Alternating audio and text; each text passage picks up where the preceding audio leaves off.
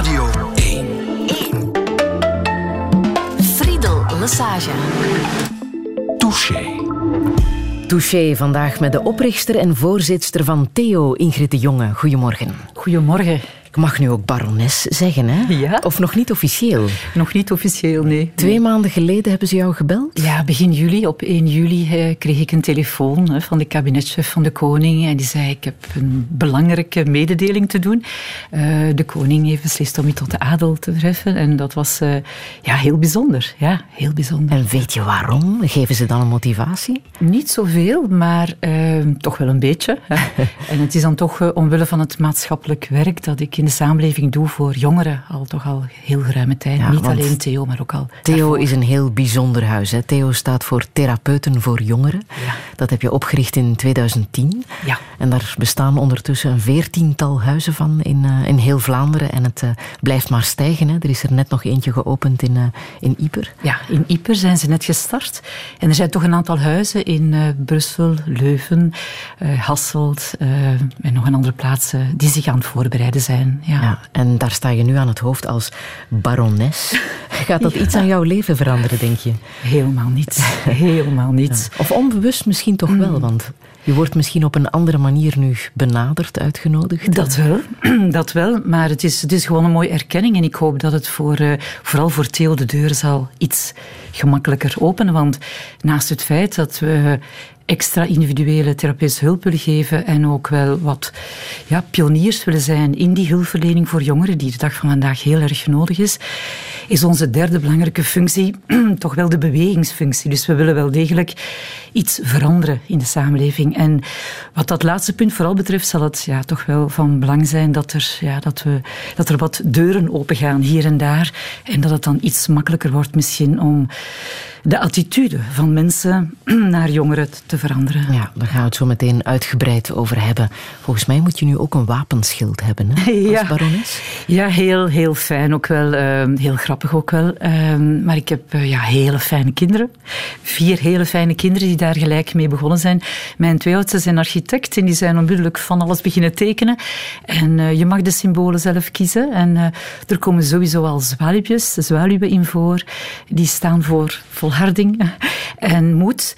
Um, en ook een klavertje vier. Hè. Dat Ja? ook sowieso. Ja, ja. Ja. En misschien nog iets andere dingen. Maar ik heb heel veel werk gehad met het boek nu, op dit moment dat eraan komt. Dat maakt dat ik uh, toch de mensen van de Aderraad gezegd heb dat ik even toch wel ja, nog wat tijd nodig heb om dat schild in orde te krijgen. Maar dat ga ik uh, eerst straks wel verder aan werken. Ja. Hoe zou jij jezelf omschrijven?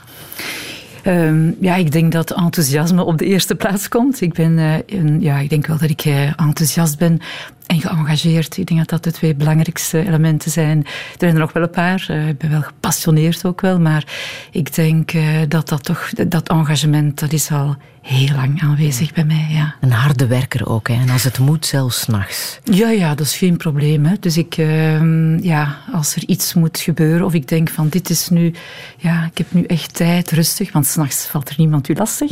Dat is zo. Uh, mijn man heeft wel wat, wat moeite gehad om dat te aanvaarden, maar die is ondertussen ook helemaal mee daarmee. Uh, maar soms ja, duurt het uh, wel lang het, uh, vooraleer dat je iets klaar krijgt. En, en ook je gedachten, ja, je hebt daar tijd voor nodig. Uh, dat moet rijpen. En dat gaat voor mij heel goed, s'avonds en s'nachts. Ja. Ja. Je bent ook iemand met een gouden stemvork. Hè? Je bent ja. in het bezit van een gouden stemvork. Ja. Het had ook wel anders kunnen lopen. Je had ook radiomedewerker kunnen worden. Hè? Ja, ik had dat ook heel graag gedaan.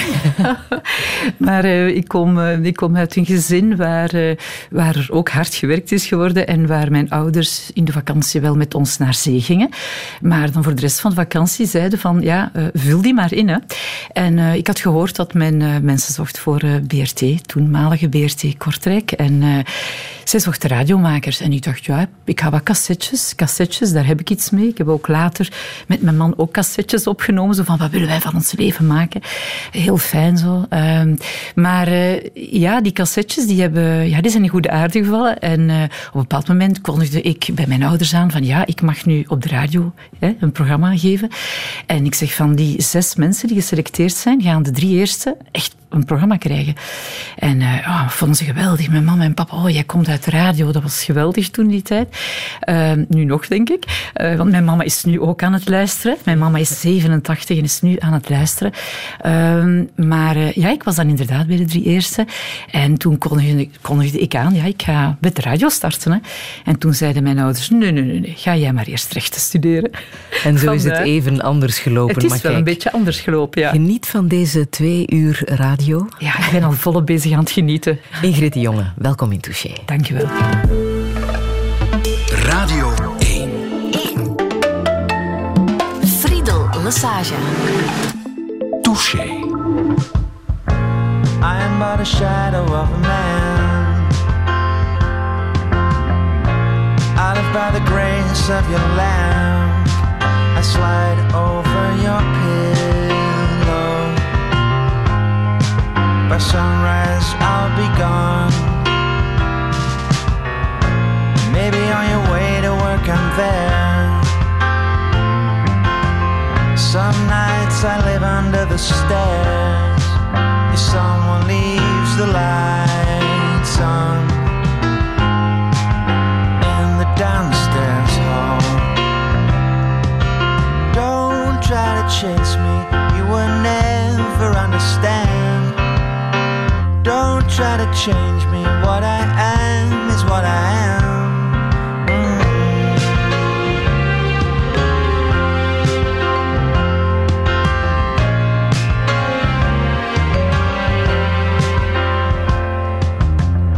I'm just a presence you can't see.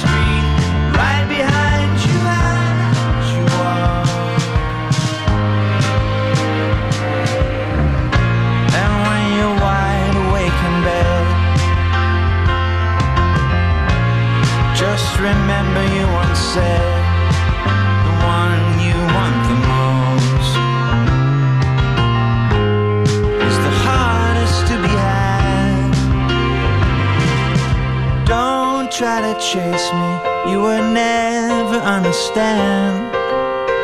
Don't try to change me, what I am is what I am. Don't try to change me. Don't try to change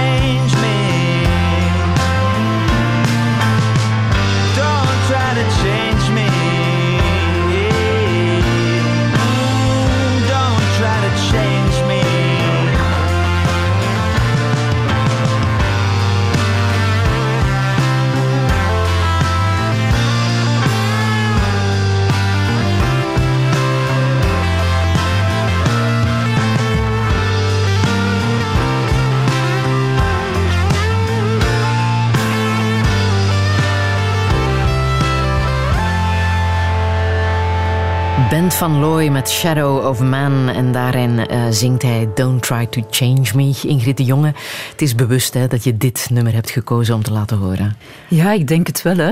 Het is eigenlijk uh, een idee van mijn man geweest. We zijn onlangs een paar dagen naar Bretagne geweest. Veel dus in de auto gezeten. En ik zei, zet maar heel veel muziek op. En, uh, en verras mij. En hij kwam met dit liedje. Ik kende het niet. En hij zei, dat is misschien nog wel een liedje voor jou. Hè, van, ja, gewoon blijven wie je bent. En, uh, I am en, who I am. I am who I am, ja. ja. Ben van Looy is trouwens ook heel erg gepest geweest als uh, kleine jongen. Hè? Dat is misschien ook nog een uh, ah, ja, extra verhaal ja, ja. dat wel past bij jou. Hè? Als oprichter en voorzitter van Theo, Therapeuten voor Jongeren. Je zei het zo net, je bent zeer hard aan het werk om een boek af te hebben. Een boek dat de titel draagt Verliezen niet met een uitroepteken. Dat klinkt een beetje zoals Indignez-vous van de Franse mm -hmm. diplomaat en verzetstrijder Stéphane Hessel. Heeft het daar iets mee te maken? Zeker weten. Hè? Dus ik denk dat dat wel een van de mensen is die mij ook geïnspireerd hebben. Ehm, wat ik ook gedaan heb in mijn leven, als ik nu advocaat was of daarna therapeut, um, wanneer er dingen zijn die niet uh, oké zijn, die niet rechtvaardig zijn, die, niet, die echt niet fijn zijn, dan, dan draai je niet je hoofd om. Maar dan zeg je van oké, dit loopt niet. Dan gaan we dat eens bekijken en dan gaan we daar ja, dan gaan we dat proberen op te lossen. Dat is wat jij zelf hebt gedaan. Ja, dat probeer ik althans, al jaren. op verschillende wijzen. Want het was, ja, ik, ik, ben, ik ben dan, ja, na die rechten, hè, ben ik dan uh, advocatuur begonnen. Um, en ja, daar voelde ik mij toch niet onmiddellijk echt uh, helemaal oké. Okay. En um, ja, ik vond dat daar toch heel wat dingen liepen die voor verbetering vatbaar waren. Dus uh, ik heb na mijn rechten criminologie gestudeerd. Vond ik, heb ik heel veel van genoten.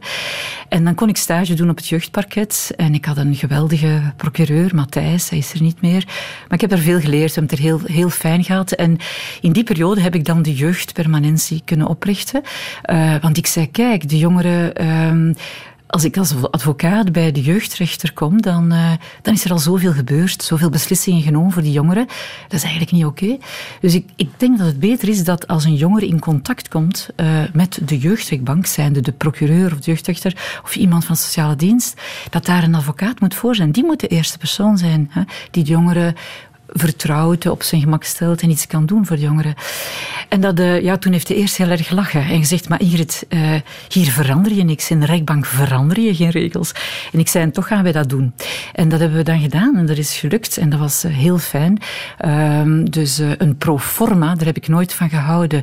Het leven is, de tijd is te kort. Dus, dus bewust, bewust dingen doen. Dus als ik advocaat was, ik, ik hield heel veel van jeugd, familierecht en strafrecht. Dat waren uiteindelijk de dingen die ik veel gedaan heb. In de 17 jaar dat ik toch aan de balie ben geweest.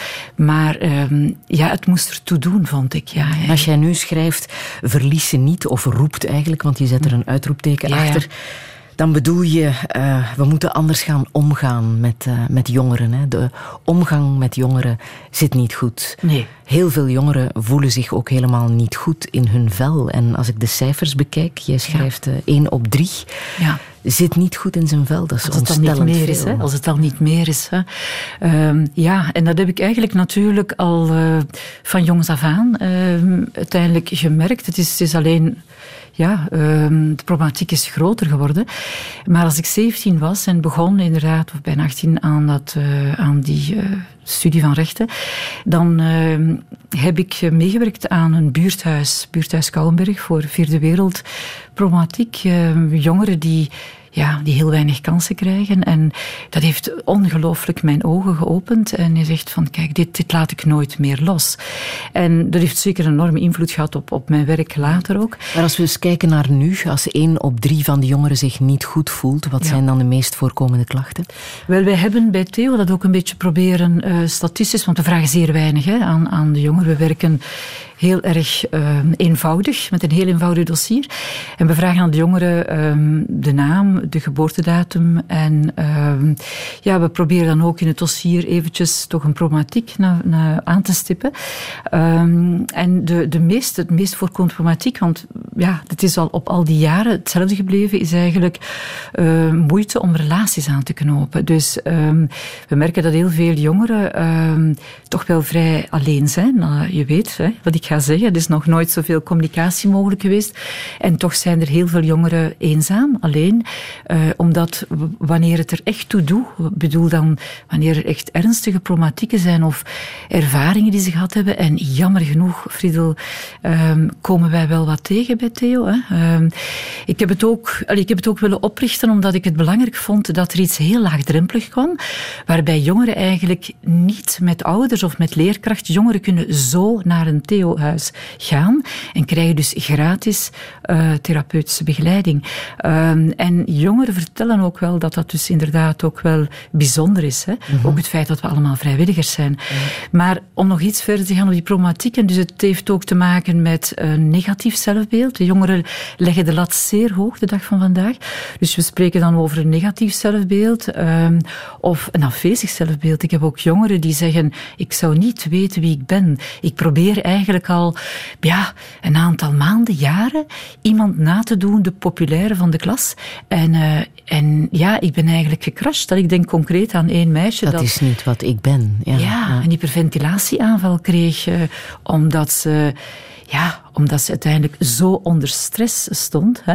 En we weten allemaal dat uh, ja, we zijn sterk als mens, maar stress uh, ja, mag, niet, mag niet te lang, te intens uh, worden. Voor dat meisje was dat zo. Ja. Die eenzaamheid komt ook vaak voor, voort uit een, bepaalde situatie. Hè. Als het thuis niet goed zit, ouders met alcoholverslaving, depressie, psychologische problemen, dat heeft op een of andere manier wel een invloed natuurlijk op, ja. een, op een kind. Zorgt voor eenzaamheid, trekt ja, zich terug. Het is natuurlijk een samenlevingsproblematiek.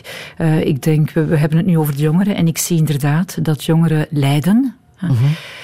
Uh, maar uh, ook heel veel ouders lijden op dit moment.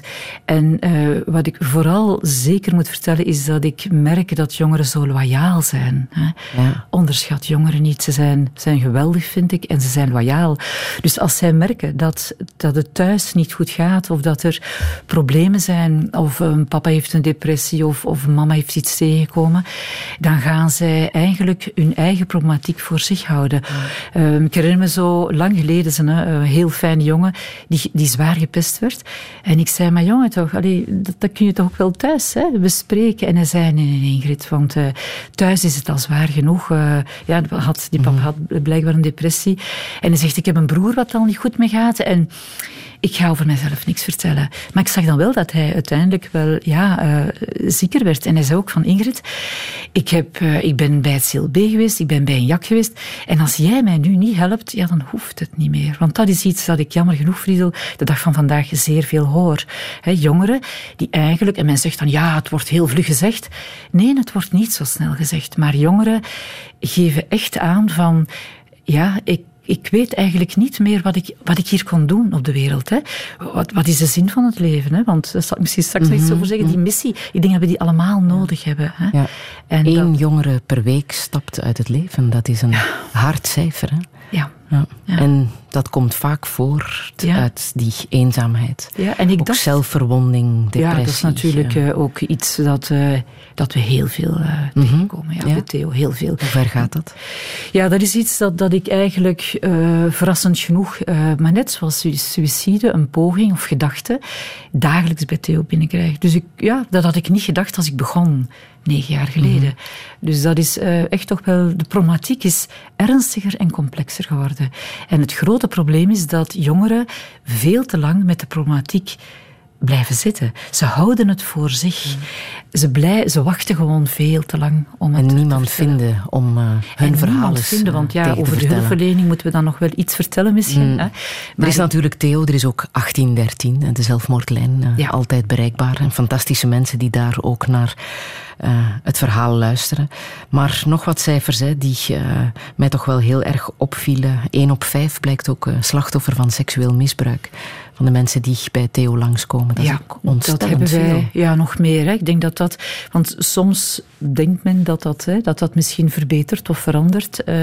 daar is niks van aan. Ik vind dat er... we hebben natuurlijk heel de... Ja, de hetze nu met de MeToo en zo. Maar ik bedoel, er, er is echt wel... Heel veel jongeren zijn inderdaad slachtoffer slachtoffer van ofwel seksueel geweld, ofwel echt ook intrafamiliaal geweld. Dus uh, het, het is breed, maar ik, uh, ik heb een aantal jaren geleden in de Hogeschool, waar ik docent ben geweest, hebben we samen met een collega, Ankie, een onderzoek gedaan. Uh, en dat ging rond rechtspositie met jongeren. En daar vertelden we, of daar vroegen we aan jongeren, participatief, uh, ze werkten mee, het was een Europees onderzoek, zo van, ja, wat, wat is nu het belangrijkste recht? We hadden alle rechten van het verdrag, het kinderrechtenverdrag op tafel gelegd. En die jongeren die meededen aan het onderzoek, uh, was van de dames van het onderwijs, die zeiden, uh, wij hoeven daar niet naar te zien. Het belangrijkste recht is het recht om gewoon jong te mogen zijn. En ik zei, oké, en wat houdt dat dan in? En dan begonnen ze heel erg te vertellen over de rugzakken die ze moeten meedragen. Over het feit dat ze eigenlijk over heel weinig fijne vrije tijd beschikken, want dat er toch zoveel moet. Hè. Onder andere misschien als ze thuiskomen dat daar nog inderdaad van alles staat, dat opgeruimd moet worden, of dat er, een, dat er boodschappen moeten gedaan worden. Uh, en dan heb je natuurlijk ook nog de Facebook en zo verder. Sommige jongeren vinden dat toch ook wel een opdracht die hmm. erbij komt. Maar even terug naar mijn vraag. 1 op 5 is het slachtoffer van seksueel misbruik. Is dat echt zo hoog? Uh, ik denk dat het hoger is. Ja? ja Zoveel ja. jongeren die het ook niet durven te bekennen. Ja, ja, ik denk dat dat. En uh, we weten ondertussen dat natuurlijk dat heel veel gebruik, heel veel gebeurt in de kring zeer dicht bij de jongeren. Um, en ik heb uh, onlangs nog een, een jonge vrouw gehad die ja, die eigenlijk mij vertelde dat ze um, een toelating voor euthanasie had gekregen, om psychische redenen. En ik zei van, uh, ze is ook niet om hulp gekomen bij Theo, ze wou een donatie doen voor Theo. Um, en ze zei mij dat ze uh, heel zwaar gepest was geweest en uh, ook wel seksueel misbruik had gekend en dat ze gewoon veel, veel te lang had gewacht om daarover te vertellen. Mhm. Ze is dan in de hulpverlening gekomen, maar dat is niet zo goed gelopen, die hulpverlening. Um, en ze zegt, ik heb dan te laat hè, iets over Theo gehoord en ik zou willen dat jongeren sneller de weg vinden naar de hulpverlening. Mm en dan ook echt wel het gevoel hebben van ik word hier geholpen, want het is natuurlijk wel belangrijk wat u aanhaalt, hè, dus die telefoonlijn, maar ik denk wel dat, uh, dat er toch wel iets meer nodig is. Dus het, het feit dat je eigenlijk, in het begin zeiden we tien gesprekken, want ik wou iets innovatief doen, ik wou ook in niemands vaarwater komen van de hulpverlening, maar uiteindelijk heb ik het een tiental gesprekken mhm. genoemd, omdat, ik, uh, omdat we merken dat we ook jongeren zijn die na drie, vier gesprekken hè, ook al echt uh, weer verder kunnen met hun leven. Want dat is de bedoeling. Hè. We willen ze gewoon terug op het spoor zetten. Hè. Ja. Um, dat ik natuurlijk nu het, het tweede boek maak, hè, uh, komt omdat ik vooral iets rond die beweging hè, wil, wil doen. Ja. ja. En welke vormen van seksueel misbruik ben jij zoal uh, te weten gekomen, te horen gekregen? Wel, um, toch wel heel veel in de familie. Mhm. familie um, of, op de, of in de vrije tijdsbesteding, maar toch vooral in de familie. Ja. Mhm. En dat is dan nog een groter taboe, want uh, ja, het is, je, je durft het eigenlijk niet vertellen toch eventjes nog kort een voorbeeldje. Het is een oud voorbeeldje. Ik geef alleen nu wat oude voorbeelden, want dat is misschien ook veiliger. Maar uh, in het begin, uh, als ik uh, psychotherapeut was, een eigen praktijk, kreeg ik een meisje van zeven met secundaire enuresis. En dus zo van, ja, oké, dat is al een beetje een aanwijzing. Ehm, ik, heb, ik heb haar heel lang gezien en ja, speltherapie met haar gedaan. En op een bepaald moment, met de Playmobil-popjes, tijdens de therapiesessie werd het dan toch heel spannend. En, en ja, zei ze, oh, ik, ik heb terug in mijn broekje gedaan. Ik zei, dat is niet erg. En dan heeft ze het verteld. Dat ze dus, uh, dat eigenlijk ze bij een onkel hè, moest gaan logeren en dat die dingen deed met haar. En ik zei, oké, dan, uh, dan gaan we het ook, want die mama was zeer ongerust. Wat is er toch met mijn kind? Dan zei je, dan gaan we dat toch eens aan uw mama vertellen. Maar ik zeg, ik een, verhaal vertellen, hè, een dierenverhaal, om dat niet te, te confronterend te maken. En ik nodig die mama en dat meisje. En dat meisje dat zegt, ik zeg, ik denk dat je dochtertje iets wil vertellen. En die brengt een heel ander verhaal. Hè? Een heel ander verhaal. Och mama, er heeft eens ooit iets, een, een leer, een uh, ouder van een vriendinnetje iets gedaan. Maar och mama, dat is al lang geleden. En die, die zijn verhuisd en dat is allemaal voorbij.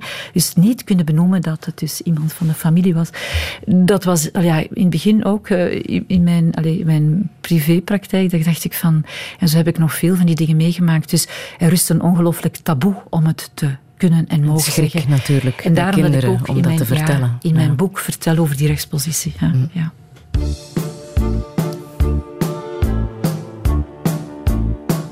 Als hij komt overen, kwam alles voor elkaar. Als hij komt overen, was niemand de sigaar. Als hij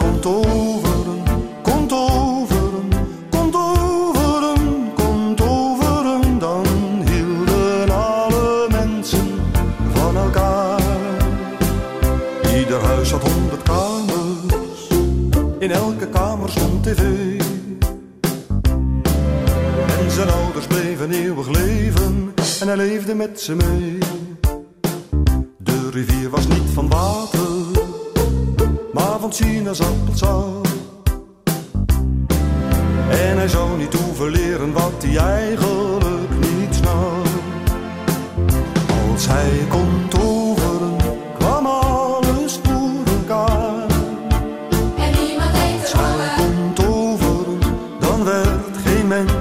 En iedereen hij zwanger. kon toveren, kon toveren, kon toveren, kon toveren, dan hielden alle mensen van elkaar. Zijn vriendje zou ineens begrijpen waarom hij ruzie met hem kreeg.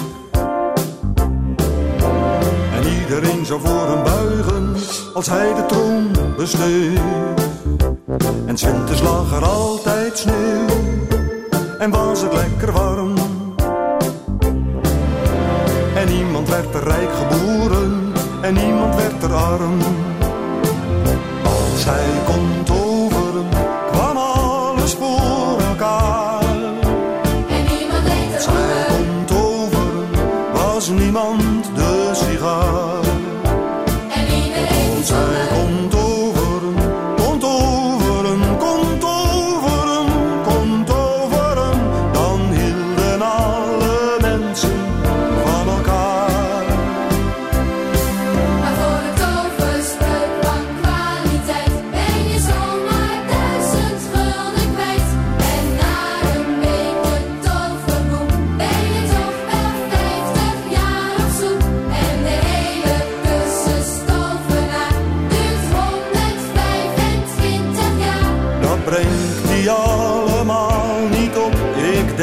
dat hij voor het begin al stopt. Want zelfs de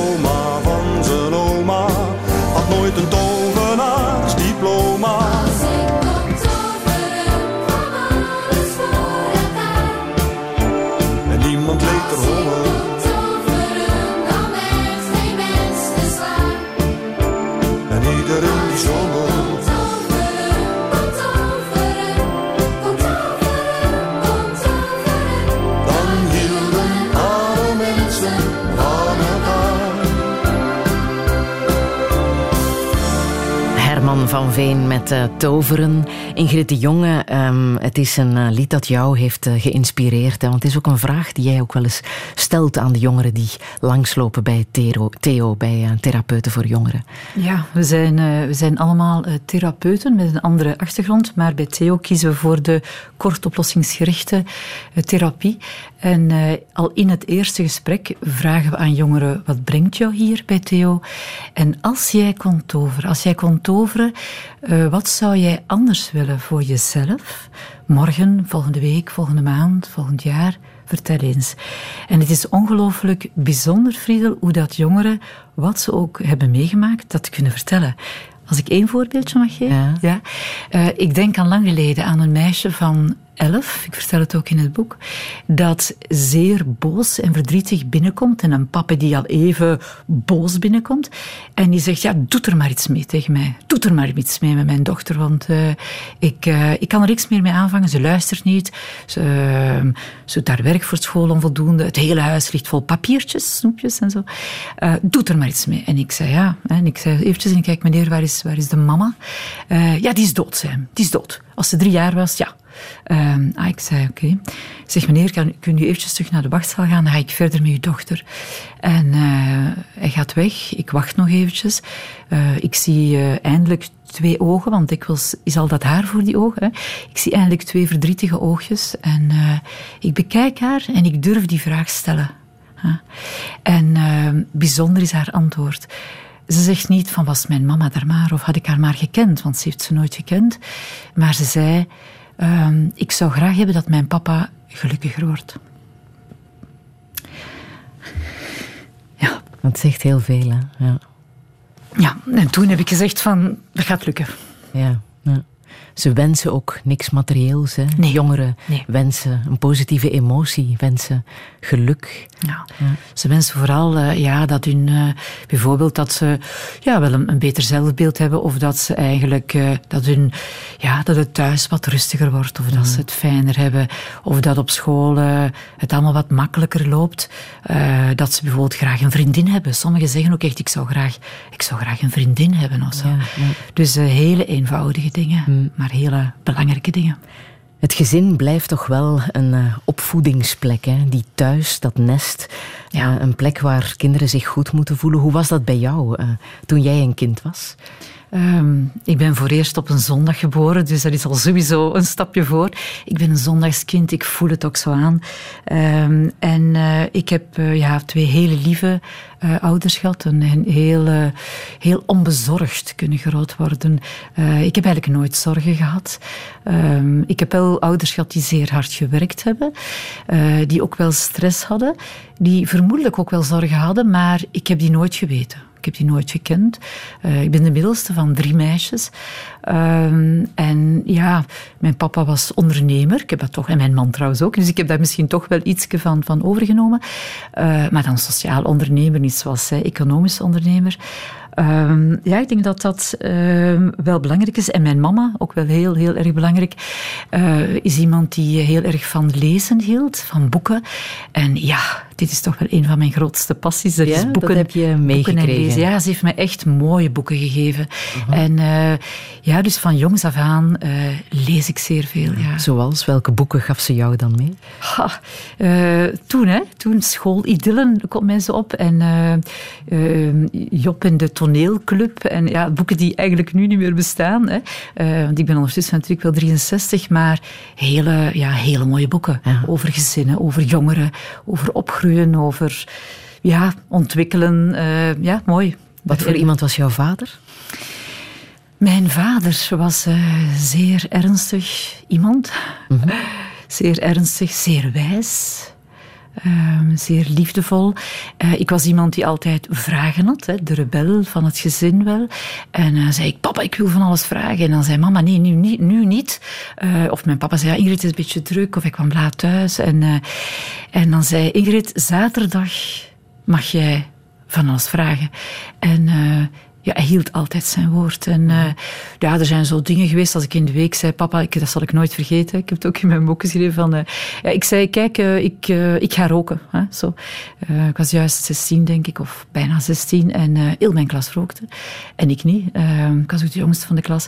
En mijn moeder zei, nee, kan niet, want ik ben wel een beetje beschermd grootgebracht. Hè. Overbezorgde ouders wel. En mijn vader zei zo van, oké, wij gaan zondag roken in het salon. En ik zei, oké, en mijn zussen van, oh, wat doet hij toch, wat vraagt hij toch, wat durft hij vragen? En eh, mijn mama ook helemaal niet gerust erin. Maar ik was ongelooflijk blij. En de zondag na het diner, dat mama lekker kookte, eh, zaten we in de zetel. En mijn papa had Gauloises. Ik had geen idee wat dat was, zonder filter. En eh, mijn, mijn vader, na één sigaret, dat was ik al hè, in de wind. En mijn papa zei een tweede, een derde. Ik ben gedragstherapeut. Ik weet ondertussen dat dat een tactiek is. Hè. Ehm, maar, dus, ehm, maar dus mijn vader heel rustig. En na de derde sigaret zei hij toch wel van, wat vind je, wat denk je? Hoe voel je je? Ja, en ik ben dan toch ook altijd wel oprecht. En ik zei, papa, ik voel me niet goed. ik voel me niet goed. En hij zegt, wat denk je? Ga jij nog roken in je leven? En ik zei, nee, ik denk het niet. Ik Hij had dat therapeutisch heel erg goed aangepakt. Ja, ongelooflijk. Ja. Tijd voor jou genomen Tijd genomen, lieve papa. Ongelooflijk Ja. lief. Ja. en jou duidelijk gemaakt dat dat toch niet zo'n goed idee was. Ja. Wakken, gig, gig, gig, gig, gig, gig, gig. Na, na, na, na, na, na, na, na, na, na, na, na, na, na,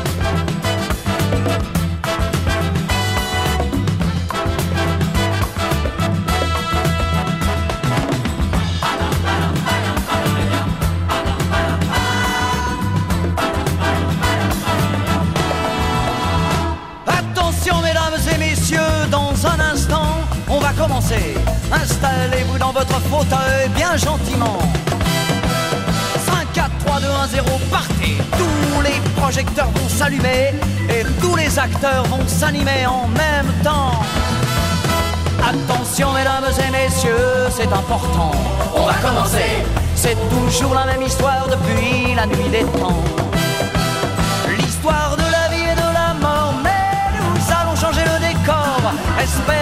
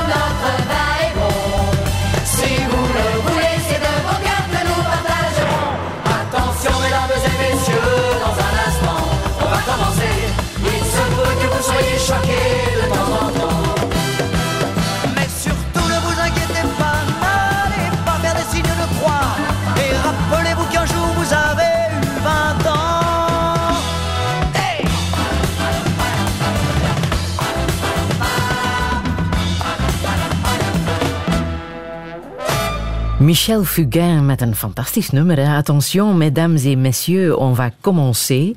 Ingrid de Jonge, je hebt hier een eh, bijzondere herinnering aan. Ja, ja dus eh, ik denk dat ik ook... eh, ik was 17 en eh, humaniora gedaan. En ik mocht van mijn ouders naar Tours. In Frankrijk om Frans te leren. Ik vond het eh, geweldig. Ik kwam in een gezin terecht eh, van madame en meneer Collardel. Ehm, en eh, daar waren nog studenten. En ik- dat was gewoon geweldig. En ik werd altijd wakker met dit lied, of, of een lied van Fugain, Le Big Bazaar. Je hebt ook nog een mooi liedje L'Oiseau, ook een heel mooi nummer. Eh, ik heb daar wel meer Engels dan Frans geleerd, eh, omdat ik daar bevriend ben geraakt met Patty eh, van North Dakota. En die kon echt, echt bijna geen Frans. Hè. En dus om contact te hebben wij Engels geleerd. En, of heb ik, heb ik veel Engels gesproken.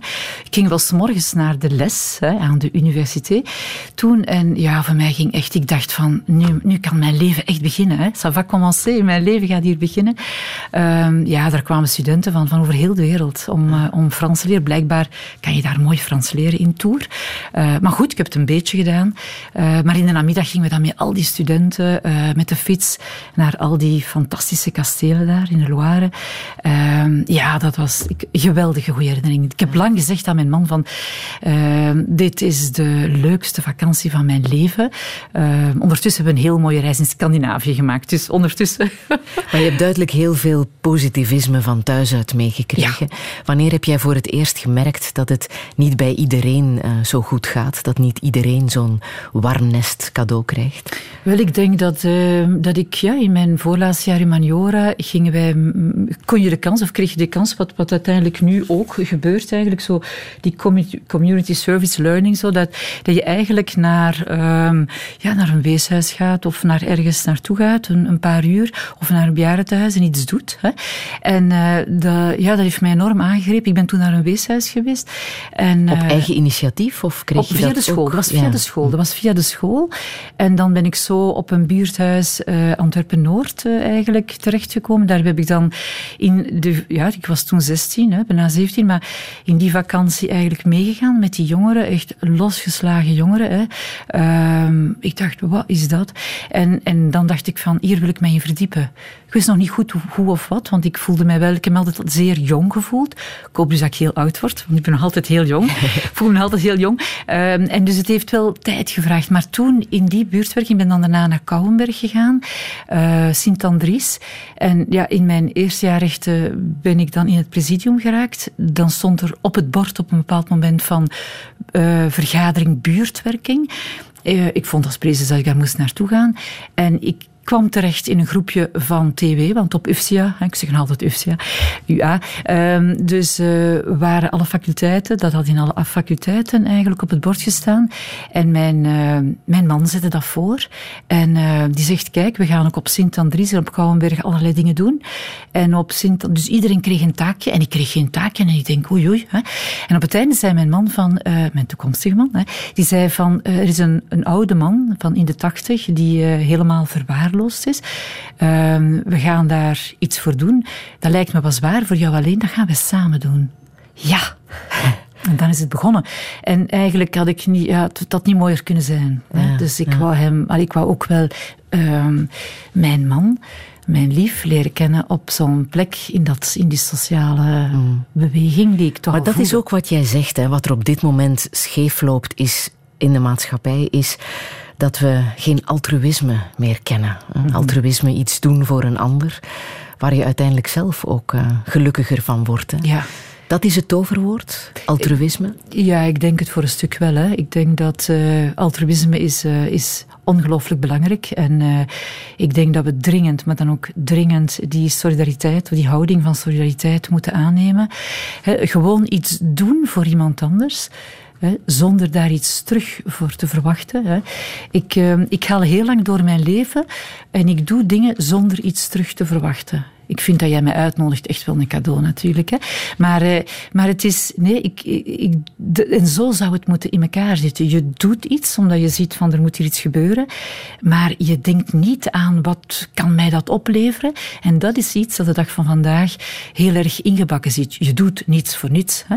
En er zijn zelfs ook jongeren, bij Theo, niet iedereen, we hangen niet met een bordje op onze buik van dat wij vrijwilliger zijn, maar sommigen weten het. En sommigen hebben het gehoord, die, die zeggen dan soms ook van geweldig. Want dat is ook het. We zien ook dat jonge mensen nu, die bij Theo komen, ook een stukje zelf ambassadeur worden.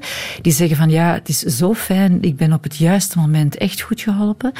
Eh, ik ben er zo blij om en ik ga later ook vrijwilligerswerk doen. Hè.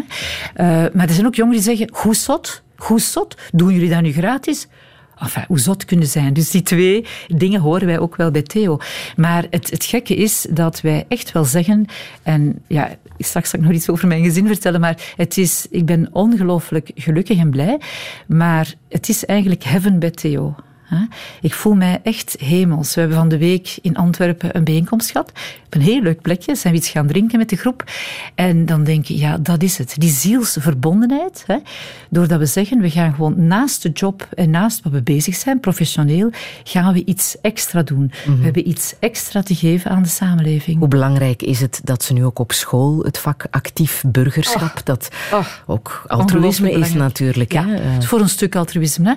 Hè. Eh, voor een stuk begint het natuurlijk eerder. Ik denk dat het belangrijk is dat jongeren ook ehm, ja, eh, goed leren luisteren, goed leren eh, nadenken, filosoferen, leren eh, andere meningen hè, te respecteren, eh, conflicten kunnen oplossen, ethische beslissingen kunnen nemen. Eh, en dat zijn zaken die allemaal bij Go in dat actief burgerschap zitten. Bij het katholiek onderwijs is het wat anders. Hè. Ze leggen andere accenten. Maar het actief burgerschap zal er zeker zijn. Er zal ook ja, bijvoorbeeld het kinderrechtverdrag, het verdrag van de rechten van de mens, eh, waar ja, uiteindelijk heel belangrijke waarden in staan. Want dat is toch ook iets, waarden, hè, basiswaarden, zoals vriendschap, zoals solidariteit, eh, die zijn soms toch wel een beetje zoek, vind ik. Fantastisch om te bekijken is een eh, documentaire waar jij mij op hebt gewezen. Children Full of Life, een documentaire uit 2005 over meester Kanamori uit Ah, ja. Japan. Een geweldige documentaire over een eh, leraar, Ja. Japanse leraar, die op een heel bijzondere manier met zijn klas omgaat. Hè. Ja, Wat, wat haal jij daaruit? Eh, Wel, vooral het discussiepunt dat we nu hebben natuurlijk in, in de scholen. Dat ja, op school moet je kennis eh, opdoen. Hè, en, en kennis moet er gegeven worden, kennisoverdracht. Ik ben het daar helemaal mee eens. Hè. Ik hou ook van kennisoverdracht, maar er moet ook nog iets anders zijn. Hè. Maar je geeft de kinderen de kans om hun emoties te vertellen hè, en om iedereen ook te doen luisteren. Ja, elke morgen komen de kinderen eigenlijk in de klas en vertellen eigenlijk hoe ze zich voelen vooraleer dat de klas begint. En op een, ja, er zijn hele mooie filmpjes van ook, hè. dus ja, zoals je vertelt, ook een heel mooi boek. En hij geeft dan, is ook een pedagoog, want eh, hij is toch natuurlijk, hij is Hij niet weet wat hij doet, is ja. pedagoog ook. En eh, hij zegt dan, eh, er zijn twee kinderen die vertellen, dat heeft mij enorm geraakt, verschillende zaken, maar dat die kinderen vertellen dat hun papa en respectievelijke oma gestorven is. Van het ene kind de papa, van de andere de oma. En ja, het wordt eventjes stil in de klas en die kinderen zijn heel verdrietig. En dan zegt de leerkracht, goh, wat kunnen wij doen voor die, voor die, hè, voor die twee kinderen? Ehm, ja, dan is het algemene stilte. En dan ziet iedereen nadenken. Jongeren van 10, 11 jaar nadenken, zwaar nadenken. En dan zegt er ineens een jongere... Ik denk dat ik misschien een idee heb. Eh, hier naast de school is een mooi terrein, eh, zand. Als we nu eens allemaal met de hele klas een, in het heel groot een brief schrijven eh, naar de hemel. Heel groot, dan kunnen ze dat in de hemel lezen. En we zeggen gewoon, liefste oma van en liefste papa van, eh, maak u geen zorgen over uw kinderen, want wij gaan voor uw kinderen zorgen. Ongelooflijk, hè? En dan zie je ze dat doen. En zo zijn er nog een paar heel mooie eh, voorbeelden die hij geeft rond pesten. Hè? Ook een meisje dat op bepaald moment heel erg weent en zegt, ja, ik word gepest door iemand in de klas. En dan wordt die leerkracht heel boos en dan zegt hij, ik begin hier niet met de les vooral ik, vooraleer ik weet wie dat, dat hier doet. Want dat meisje zit in een instelling en eh, twee andere meisjes hadden gezegd, ja, die zit in een instelling en die stinkt. Hè? Die ruikt. Een meisje is heel verdrietig.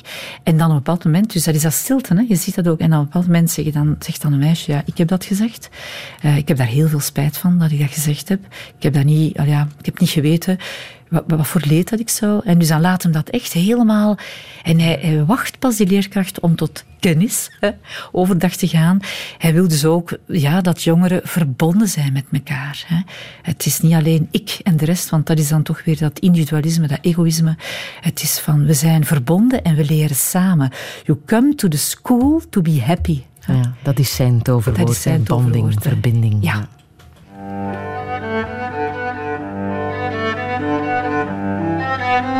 Verbinding.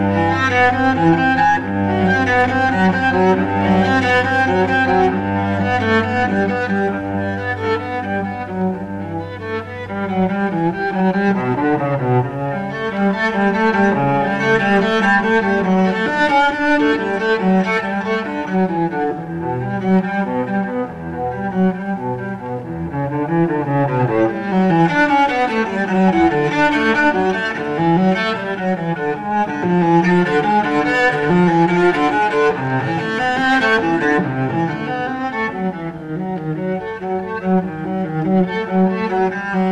De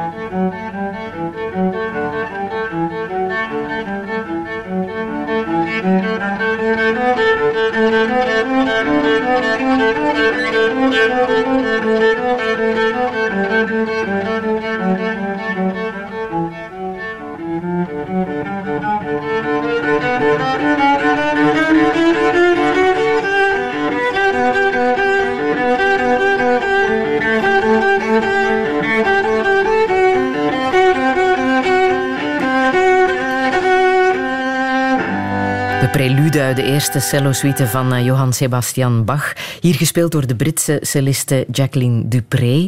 Ingrid de Jonge, heb je het gekozen voor Bach, voor de cello of voor Jacqueline Dupré? Voor beiden. Voor, Of voor beiden. alle drie eigenlijk. Ja. Ja, ja. Maar het is sowieso een heel bijzondere vrouw. Hè? Ehm, Ja, eh, ik denk het wel. Hè. Ehm, ze is jammer genoeg ehm, veel te vroeg overleden. Hè. Multiple sclerose gekregen. en op 42 jaar leeftijd al overleden. Maar ze is gehuwd geweest met ehm, Daniel Barenbaum. Een bijzondere man.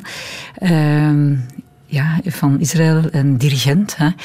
Maar wat mij trof eigenlijk is eh, vooral dat, ehm, dat eigenlijk ja, Barenbaum samen uiteindelijk met eh, een Palestijnse professor, Edward Said, eh, die West-Eastern Divan Orchestra heeft opgericht. Dat is ook hetgeen wat mij enorm eh, geboeid heeft om dat te ontdekken. Ehm, vooral omdat, ja, dat is, dat is een initiatief dat mij geraakt heeft, omdat hij eigenlijk is in 1999 ontstaan, bestaat nog steeds. Ehm, en is begonnen eigenlijk als een workshop eerst eigenlijk, hè, waarbij zij beiden Israëlische en Palestijnse ehm, ja, muzicerende jongeren wilden ja, toch wel met een talent wilden samenbrengen.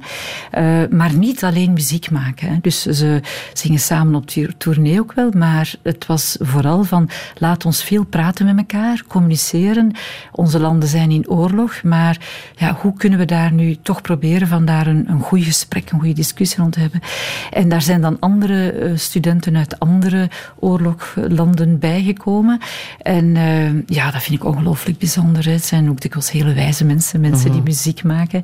Ja, Eh, is dat zo? Ja, ik denk Ja. dat wel. Ja, Muziek helpt ook, denk ik, hè, om je tot rust te brengen. Dat is Ja, ook ik, wat je eh, zegt, eh, jongeren hebben die momenten van rust niet meer. Ja, dat is, dat is iets dat ik ook in het boek aangeef. Dus er is te weinig rust voor jongeren. Te weinig... Niets dus- doen ook. Ja, niets doen. Echt niets doen. Hè. Ehm, nu, ik wil nog eventjes kort ook zeggen van, van die cello-muziek. Die, die suites van Bach, ik heb ze al ontelbare keren gehoord, eh, live en, en, en gewoon rustig thuis. Maar eh, ik vind ze inderdaad heel bijzonder. Ik hou ook ongelooflijk van cello. Hè, want ik denk dat iedereen zo wel een instrument heeft of, of, ja, of mensen heeft die, die ja, dat raakt. Voor mij is dat echt een instrument, die muziek, dat, ja, dat, dat komt helemaal binnen. Speel je zelf ook muziek? Ik speel een beetje cello, ja. Ja, ja, ja. Ja. Maar ja, dus in mijn bureau staat hij dan. En dan denk ik, dag cello, ze biedt het aan jou. Maar dan ben ik toch weer aan het schrijven. Of, of, eh, Ja. Maar, eh, maar ik, ik ga het zeker terug opnemen. Kunst in huis, dat is voor jou ook belangrijk, hè? Ja, dat Geeft is ook rust. eh, ja, ik denk dat wel. Eh, niet te veel, hè, een beetje. Eh, Zoals wat? En dat komt dan door mijn kinderen voor een stuk. Eh, Mijn dochter is architecte, maar ook beeldhouster. Hè. En, en ja, door, door haar heb ik ook wel eh, leren houden van beeldhouwwerk. Hè. Ja, van beeld. zoals? Heb je ja, als Bepaalde kunstenaars als we in je Parijs zijn, dan, gaan we, dan, dan, dan, dan zegt de man, ah ja, we zullen weer langs Rodin moeten gaan. dus eh, heel, heel mooi. Maar we hebben toevallig ook eh, een Franse beeldhouwer van Girard, eh, van Valence, eh, leren kennen in Antwerpen. En eh, tijdens een tentoonstelling. En dat was ongelooflijk knap. Hij maakt, eh, hij maakt nog steeds, hoop ik, maar hele mooie figuren in, in klei. En eh, ja, prachtig. Dus ik heb daar een aantal werken staan. Als je binnenkomt, zie je al op een aantal werken. Ehm, ja, spreekt mij enorm aan. Ja. Je hebt ook een eh, bij je liggen van eh, een ehm, Zuid-Koreaanse kunstenares, Yin Suk Chun. Ja, Ja, daar heb je een werk van. Ja, soms, soms is het, word je toevallig verliefd hè, op een werk. Eh, Ik was in Berlijn eh, samen met mijn man voor een congres rond jeugdpsychiatrie, forensische jeugdpsychiatrie. En hij, overdag werkte hij een beetje en hij kwam mij dan halen om zes uur na de cursus, na de opleiding. En hij zocht dan een, had altijd een leuk restaurantje gezocht. Maar eh, de laatste dag zijn we dan wat gaan slenteren en dan na dat congres. En dan zijn we toevallig daar terechtgekomen. De Joodse coté van de Joodse buurt van, van Berlijn. En daar, eh, ja, daar zag je dat werk hangen. De omhelzing. De omhelzing. En eh, ja, misschien is altruïsme wel een woordje van mij, maar de omhelzing ook. Hè. Ik vind het geweldig om, eh, om, ja, om, om dat terug wat naar voren te brengen. Het is een reuze groot werk. Mijn man zei, maar dat kan toch niet dat je nu zo... Dat werk, ik zei, dat werk wordt het. En mijn man zei, ja maar nee, dat gaat niet gaan. En ik heb dat dan toch doorgeweten. En het hangt centraal in onze living. Ik wil ook nog even muziek laten horen uit eh, de film La Meglio Gioventù. Die zes uur durende familiekroniek. Gisteren ook nog eens opnieuw herbekeken samen met eh, je man. Ja. Heel kort, wat heeft jou daarin geraakt? Goh, wat mij daarin geraakt heeft, is vooral ehm, de familiekroniek natuurlijk. Eh, de ouders met de vier kinderen, maar ook vier kinderen met een engagement.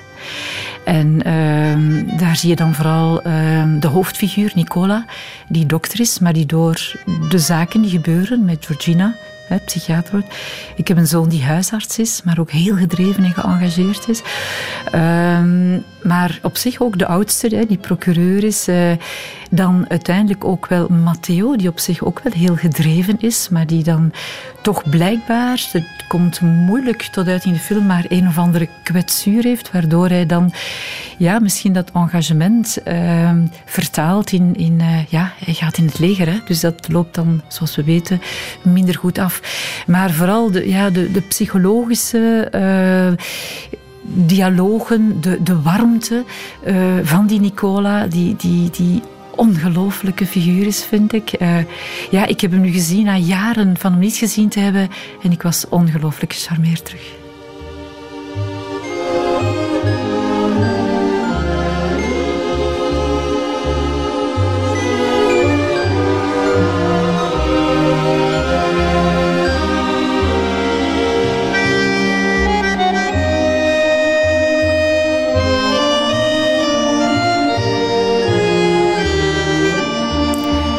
Prachtige muziek van Astor Piazzolla te horen in uh, die familiekroniek La Meglio Gioventù.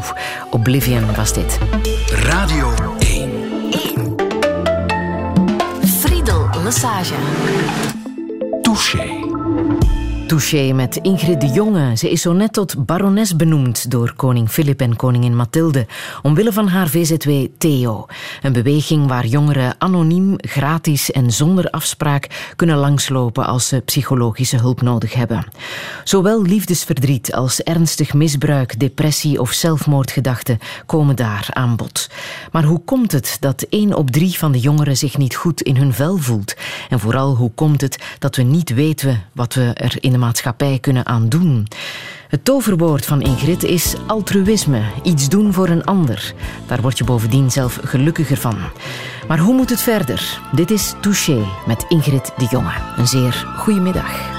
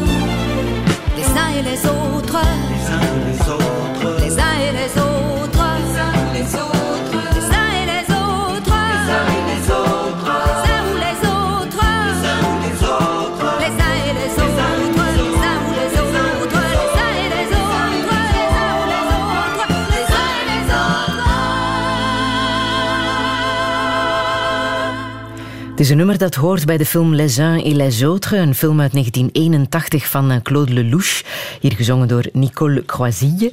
Ingrid eh, de Jonge, het is ook een eh, film die jou heeft geraakt. Hè? Familie, vier families eigenlijk, tegen de achtergrond van de Tweede Wereldoorlog. Ehm, Ja. wat, eh, wat heeft jou daar zo in eh, getoucheerd? Ja, les uns et les autres. Hè? Dus er is eh, geen gelijkheid. Hè? En dus de ene hebben geluk en de andere hebben minder geluk. Hè? Ah. En eh, ja, de muziek stond daar ook heel centraal. Hè? Dat is ook heel belangrijk. Maar vooral van ja, ehm, we moeten toch zien dat die, gelijk, dat die gelijkwaardigheid daar wel komt. Hè? Ik denk dat dat het voornaamste is dat mij is bijgebleven van oké, is degene die dan geluk hebben, die kunnen dan wel een beetje een stukje van die reserve zich inzetten voor, voor anderen. En, eh, En wij hebben dan misschien het, ehm, het geluk dat eh, deze generatie jongeren geen oorlog heeft meegemaakt. Ehm, er zijn nog altijd landen waar dat eh, schrijnend is. Hè. En dat is nieuws dat eh, jou wel bezighoudt. Eh, onder andere bijvoorbeeld het vluchtelingenkamp Moria op het Griekse eiland Lesbos. Waar we heel weinig beelden van te zien krijgen. Daar mag niet gefilmd worden. Maar wat daar gebeurt, dat, ehm, dat is onaanvaardbaar. Hè. Mm. Ja. Ja, inderdaad. Ik, eh, ik heb het stukje van eh, Judith van Istendaal eh, een tijd geleden, een jaar geleden denk ik, al bijgehouden. Zij is daar geweest eh, in dat kamp. Ze mocht inderdaad niets optekenen, niet, geen foto's nemen. Ze is daar eh, ongelooflijk door geraakt geworden, door wat ze daar gezien heeft. Ehm, heel, heel veel schrijnende eh, toestanden met. Mensonterende situaties. Ja. ja, mensonterend. Het is een vluchtelingenkamp waar in principe plaats is voor een drieduizendtal mensen, maar ondertussen zitten daar 900 mensen, mannen, vrouwen, kinderen natuurlijk, op elkaar lang, gestapeld. En al in heel lang, al Ja. heel lang, al jaren. En ja, vorige week heb ik dan het geluk gehad, hè, eh, in de Dozijn-kazerne, waar nu net een nieuwe tentoonstelling van eh, de Holocaust in strip werd voorgesteld. En Judith was uitgenodigd. En eh, ja, het... het ehm, het trof mij opnieuw hoe, moeizaam, allee, hoe moeilijk dat ze het had om het te vertellen opnieuw na die, hè, na toch wel al even tijd geleden dat ze daar geweest is. Ehm, wat mij natuurlijk vooral trof in dat beeldverhaal dat ze dan heeft getekend in het Standaard Weekblad, eh, dat, ze, dat ze op het einde aan zo'n dokter vraagt van wat is nu het, het meest nodig in dit kamp en dat die dokter antwoordt, eh, we hebben eigenlijk eh, psychologen, psychotherapeuten nodig hier, want ehm, ja, mensen hebben, voelen iets meer. Hè. Er is, er is geen, geen missie niet meer, of geen, geen, ja, wat, Geen uitzicht op, eh, geen, echt verbetering. Geen uitzicht, hè. Dus, dus, eh, en dan, ja, dan heeft mij dat enorm geraakt. Hè. Dus dat artikel dat er nu onlangs eh, in de krant stond, waar, ik denk vorige week, waarbij eigenlijk, ja, we toch naar ons toegekomen is dat heel veel jongeren daar zelfmoord plegen in dat kamp. eh, of, of, ja, of, of inderdaad de intentie is om het te doen, omdat het zo uitzichtloos is. En dan, dat maakt mij ongelooflijk boos en kwaad. Ja. Ik heb het ook in mijn boek iets over geschreven. Ik vind eh, ja, dat, dat wie daar, de verantwoordelijke overheden die daar iets kunnen aan doen, dat is... eh ja, ik heb daar geen woorden voor eigenlijk. Ja. Er zijn ook ehm, ja, kleinere verhalen, hoewel kleiner, ehm, die eh, toch eh, tot bij ons komen. Zoals bijvoorbeeld eh, het bericht van het eh, ehm, Marokkaanse meisje, eh Kadisha. Eh, eind augustus zat het eh, bij ons in het nieuws en dat fragment wil ik ook eh, even laten horen. De 17-jarige Khadija werd ontvoerd voor het huis van haar tante tijdens de Ramadanmaand net voor de zomer. وحطوا عليا الموس هددوني ودوني بالزز صافي طلعوني لتما انا ما عرفتش ديك البلاصه الزيتون ها في الخلا Haar ontvoerders mishandelden en verkrachten haar en gaven haar nadien door aan andere mannen in ruil voor geld en drugs. Pas na twee maanden brachten haar ontvoerders haar terug naar huis na de belofte dat de familie niet naar de politie zou stappen. Maar Khadija deed dat toch. Touché. De verontwaardiging over dit nieuwsitem eh, was enorm. Hè? Er was meteen ook de hashtag Nous tous Kadisha. Kan jij begrijpen dat zoiets gebeurt? Ja, jammer genoeg gebeurt het, hè. maar ik, eh, ja, ik, eh, het is niet waardig om, om, om de naam mens te noemen als je zo'n dingen doet. Ehm, ja, er moet dus ongelooflijk veel leegheid in die daders zijn. Hè. Ehm, want ja, ik probeer altijd wel de goede dingen in mensen te zien, maar er moet ongelooflijk veel leegheid zijn dat je tot zo'n dingen overgaat en dat je ook totaal, en dat is toch wel iets kenmerkend in onze samenleving, dat we er niet bij stilstaan wat de wat uiteindelijk hoe het is voor zo'n slachtoffer. Hè. Ehm, en de perceptie, daar, daar, daar wordt niet bij stilgestaan. Het is gewoon, ik doe iets, want ik heb daar zin in. Of ik, ik voel me niet goed, dus ik ga dat doen. En dan is het een beetje zoals bij een pestsituatie, dan ga ik dat maar doen. Voel ik me misschien iets beter. Hè. Ehm, en zij realiseren zich niet, eigenlijk die daders, wat, eh, welke verwondingen, ik heb het dan nog niet over de fysieke, maar de mentale, de psychische verwondingen, verwondingen die heel diep, en daar kan ik over meespreken, omdat jongeren mij dat vertellen. Ik kan ook wel, ik kan wel voorbeeld geven, eh, Theo. Maar dat, dat, dat, eh, dat je dat jaren en misschien zelfs voor je hele leven meedraagt. Hè? Ehm, en daar, ja, daar zijn die daders gewoon natuurlijk niet mee bezig. Hè? Dus het is, ehm, ja, het is, ik vind het verschrikkelijk. Ook dat maakt mij heel boos, ja, dat die dingen gebeuren. Ja. Hoe haal je, als jij jongeren over de vloer krijgt die verhalen van misbruik eh, hebben meegemaakt, hoe haal jij hen uit hun isolement? Ehm, ik ga even een verhaal vertellen hè, van een jongere die ik begeleid heb, vrij lang. Eh, een meisje van, eh, van 15, die ehm, via haar leerkracht bij ons is binnengekomen. Eh, dus niet echt met volle goesting. Maar waar die leerkracht zei, jij gaat nu naar Theo. En zij was eh, mentaal, fysiek en seksueel misbruikt door haar vader, waar ze week week naartoe moest, hè, in de omgangsregeling na scheiding. Want ook daar gebeuren heel wat dingen nog altijd momenteel, heel wat moeilijke zaken, moeilijke omgangsregelingen met kinderen. Zij probeerde in de week dat ze bij haar mama was te vertellen wat, eh, wat ze meemaakte met die papa. En eh, die mama was zelf ook misbruikt geweest door die vader, dus allee, ik ben ook depressief en ik kon dat allemaal niet aan. En op een bepaald moment is dat meisje dan weggelopen. Want ja, hoe ver, hoe ver moet het gaan? Hè? Dus eh, dat geweld dat dan op drie vlakken bij haar gebeurde. En op een bepaald moment zei die vader van... ehm, ik wil een kind van jou. Hè? Kun je voorstellen? En dat was voor haar dan letterlijk de moment dat ze ja, toch wel gekraakt is. En dan is ze weggelopen. Ehm, politie en dan, ehm, ja, dan een kinderpsychiatrisch ziekenhuis waar ze even is geweest en waar ze zich niet goed voelde. Dan is ze bij een GGZ geweest waar het ook niet echt klikt. Want ja, het moet klikken. Hè? Dat is altijd heel belangrijk wanneer je... En dan is ze bij ons gekomen. In het begin ehm, zei ze van, tegen mij... Het eerste gesprek was van... ehm, doet u geen moeite. Eh, want eh, ik heb al afscheid genomen van het leven. En ik bekeek haar en ik zei, ik ga een metafoor vertellen. En ik heb haar dan een metafoor verteld. En gezegd, ik denk dat je in een ruïne van een kasteel bent. Dat je nog een klein stukje brood hebt, een klein stukje potlood, een klein kaarsje, een beetje water. En dat je op een velletje jouw laatste gedachte over deze wereld neerschrijft. Hè. En niemand, je, niemand weet dat jij daar bent. Maar ik weet het. Ik weet dat jij er bent. Ik reik jou mijn hand. En eh, we gaan dat wel doen. Hè. We gaan, ik ga jou helpen. En toen zei ze, dat gaat jou niet lukken, Ingrid. Hè. En ik zei, mag ik het toch heel hard proberen? En dan, ja, dan haalde ze haar schouders op. Maar ze is toch gekomen naar een volgende afspraak. En ik heb haar geen tien keer gezien, een beetje tegen de theoregels in. Maar ik kon haar nergens anders, want dat is het probleem de dag van vandaag. Heel veel wachtlijsten in de hulpverlening. Ik kon haar nergens anders naartoe brengen. Dus ik heb dan ja, gezegd van oké, dan blijf je bij mij. Ehm, en het is een, een ongelooflijk mooi iemand, een verstandig iemand. Ik ken haar heel goed, want ik zie haar nog altijd. Ja? Ja, ja ik blijf haar volgen.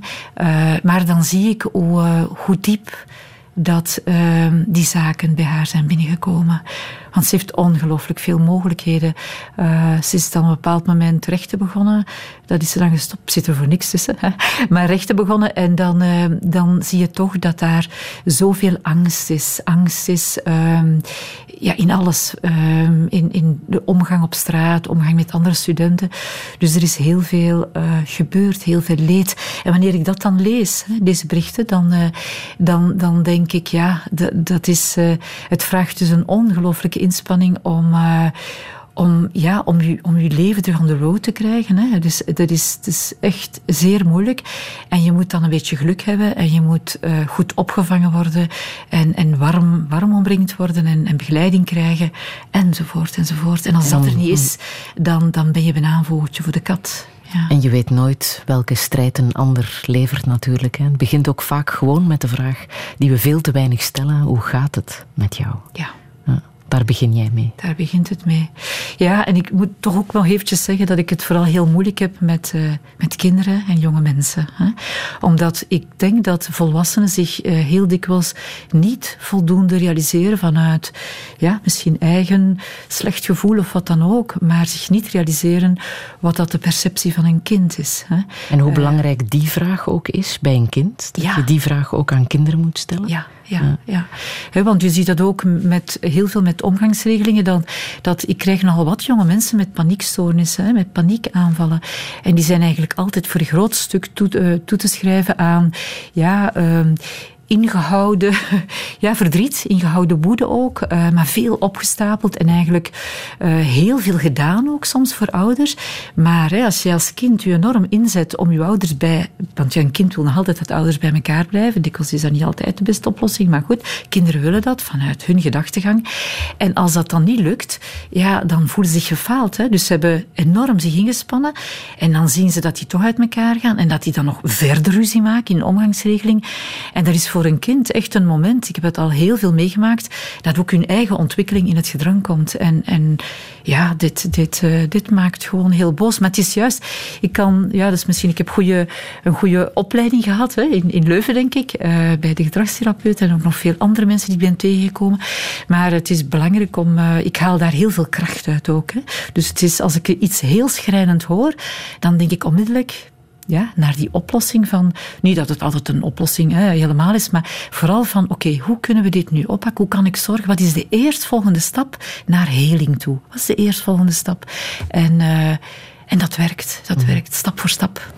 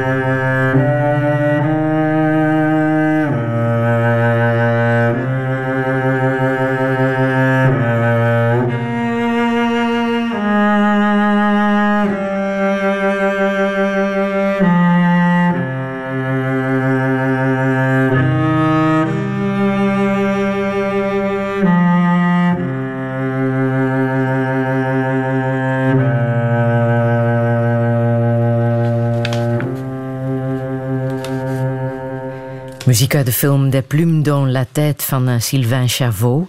Pour les oiseaux et uh, de cello-variatie. Um, daar zijn we weer hè, met de cello, uh, Ingrid de Jonge. Het is een film die jij hebt gezien, een film uit 2004. Um, waarom heeft deze film jou zo geraakt? Wel, het gaat over een, uh, een echtpaar die een, jongetje uh, hebben uh, dat verdwaald geraakt en dat uiteindelijk ook ja, ergens in een moeras terechtkomt. dus misschien een jongetje met een lichte vorm van autisme of iets anders, maar bon, dat geraakt verdwaald. En het is dus inderdaad wel, ehm, het jongetje is er niet meer, komt ook niet meer terug. De papa die dat dan probeert te plaatsen en te aanvaarden ehm, ook altijd wel bijzonder hoe dat papa's daar anders omgaan dan mama's. Hè. Um, en de mama die eigenlijk uh, dat, dat niet aanvaardt en die begint te, dolen uh, rond dat moeras en eigenlijk uh, ja, dan een jonge man ontmoet en dan uiteindelijk toch via de contacten met die jonge man toch opnieuw het leven een heel klein beetje op een normale manier aan kan. Maar ze verlaat wel even de realiteit. En ik denk, ik ben zelf mama van vier en is mij ook al overkomen, maar ik denk dat, ja, dat je soms uh, zo aangegrepen wordt, uh, een kind dat je zo graag ziet en dat verdwijnt dan, dat is, ja, dat is verschrikkelijk. Mm. Ja. Waarin geloof jij? Haha, zoals ik de rest al gezegd heb, ik geloof op de eerste plaats nog altijd in, in, in goedheid van mensen. Daar gaan we altijd vanuit. in, in, in bewust leven, geloof ik. Ik geloof in positieve veranderingen. Ik geloof in hoop op verandering. Ik geloof vooral in solidariteit en in liefde. Zelfs als je zoveel schrijnende verhalen hoort, dag na dag. Zelfs dan. Ja, Ja, dan blijft dat heb je nodig. Dat heb je nodig voor ze aan te kunnen, Ja. denk ik. Ja. Mm. Want ik denk, moest ik eh, niet zo vrolijk zijn hè, eh, dan, eh, en, en, en geloven in mensen en houden van mensen. Het heeft ook te maken met houden van mensen. Ik bedoel, als een jongere binnenkomt bij Theo, eh, dan... ja, eh, ik, ik begin daar al gelijk van te houden. Zo, hè? Dus, eh, dus die, ja, die zit in mijn hart, op mijn netvlies. En, en voilà, daar ga je een traject mee, mee samen doen. Dus, eh, dus ik denk dat dat heel belangrijk is. Ja. En dat doen we te weinig. Houden van. Ja, geeft ook een eh, veiligheid. Hè? Als iemand zich geliefd voelt, Ja, kan die want- makkelijker praten, kan die zich makkelijker openstellen. Ja, want dat is ook iets, iets dat ik probeer in het boek naar voren te brengen, in het nieuwe boek. Dat eh, we, eh, ja, het is via professor Maschelijn die op een bepaald moment zei, ja, dat is eigenlijk een pedagogische plek dat jullie hebben bij Theo. En ik zei, ja, dat is eigenlijk waar. Het is een, en die ontbreekt eigenlijk dikwijls in veel gezinnen, omwille van allerlei jachtigheid, hè, om van wel allerlei activiteiten die, moeten gebeuren. Dus jongeren vinden niet altijd meer die rust, hè, die sereniteit thuis of op school of ergens anders, om gewoon te bekomen of om je verhaal een keer te doen, hè, zoals ik dat wel kon thuis. Ehm, en dat is toch ook wel iets waar ik toch wel een, een dringende oproep voor- wil doen, dat er dus toch wel meer terug van die pedagogische plekken komen. En het heeft niet te maken met, eh, want ik hoor het al zeggen, het heeft niet te maken met kwaliteit van tijd. Hè? Want soms ja, maar ja, ik werk heel hard en dan... eh, ik had zo'n mama die zei, ja, tussen vier uur en kwart na vier, ja, heb ik even een gesprek met mijn dochter. En dan daarna moet ik terug gaan werken. Zo, help, die dochter zei ook tegen mij, ja, ik, eh, ik laat mijn mama dan maar een beetje razen. Want hij zegt, ja, ik heb het al zo druk gehad. Dan denk ik, ja, ze zegt, op dat kwartier ga ik mijn verhaal niet vertellen.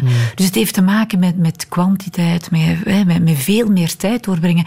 Niet elk kind, wij hebben in, in Theo, bijna, elke Theo heeft dan een bepaalde ruimte om creatief met kinderen bezig te zijn. Niet elk kind van tien of elf jaar, of twaalf jaar, maar zelfs ook ouder, want we, richten ons echt op adolescenten, is zo spraakzaam. Hè? En kan onmiddellijk zeggen van, ah ja, eh, kijk, eh, dat is er met mij aan de hand. Dus we gaan soms, als we dat merken, met een kind dan in die creatieve ruimte, waar er trouwens ook een, een zandbak is, we doen ook zandspeltherapie, doen een beetje van alles, hè? maar ook creatieve therapie, waar dat ons therapeuten trouwens ook allemaal on- extra ondersteuning nog en, en opleiding in krijgen. En ik herinner me toch één voorbeeldje van een jonger van elf, eh, die eigenlijk dan nog normaal gezien, eh, sorry, sorry, ze was negen, dus we werken vanaf tien, maar we zijn simpel. Hè? Eh, bedoel, we werken soepel, eh, sorry. En, dus, en het was een voorziening en die zei, zou, dit, zou er twee zusjes kunnen komen? Want in het gezin is interfamiliaal geweld gebeurd. De mama is twee keer naar een vluchthuis gevlucht. En de papa is nu eindelijk wel, heeft zich ja, laten opnemen in een psychiatrisch ziekenhuis. Ehm, maar nu heeft die papa eh, na twee dagen daar te zijn zelfmoord gepleegd. Dus er is daar enerzijds dat interfamiliaal geweld geweest, al die kinderen geplaatst en dan pleegt die papa zelfmoord. En ik kreeg dus die twee meisjes van negen en tien jaar oud. Ja, zoals het dikwijls in een gezin is, eh, heel anders. Hè, heel andere eh, karakter en, en, eh, en temperament. En de jongste, eh, als die bij mij kwam, die zei niks. Ik heb heel veel jongeren die niks zeggen, of bijna niks in een eerste gesprek. En dan praat ik rustig, heel rustig. En soms zeg ik ook eventjes niks.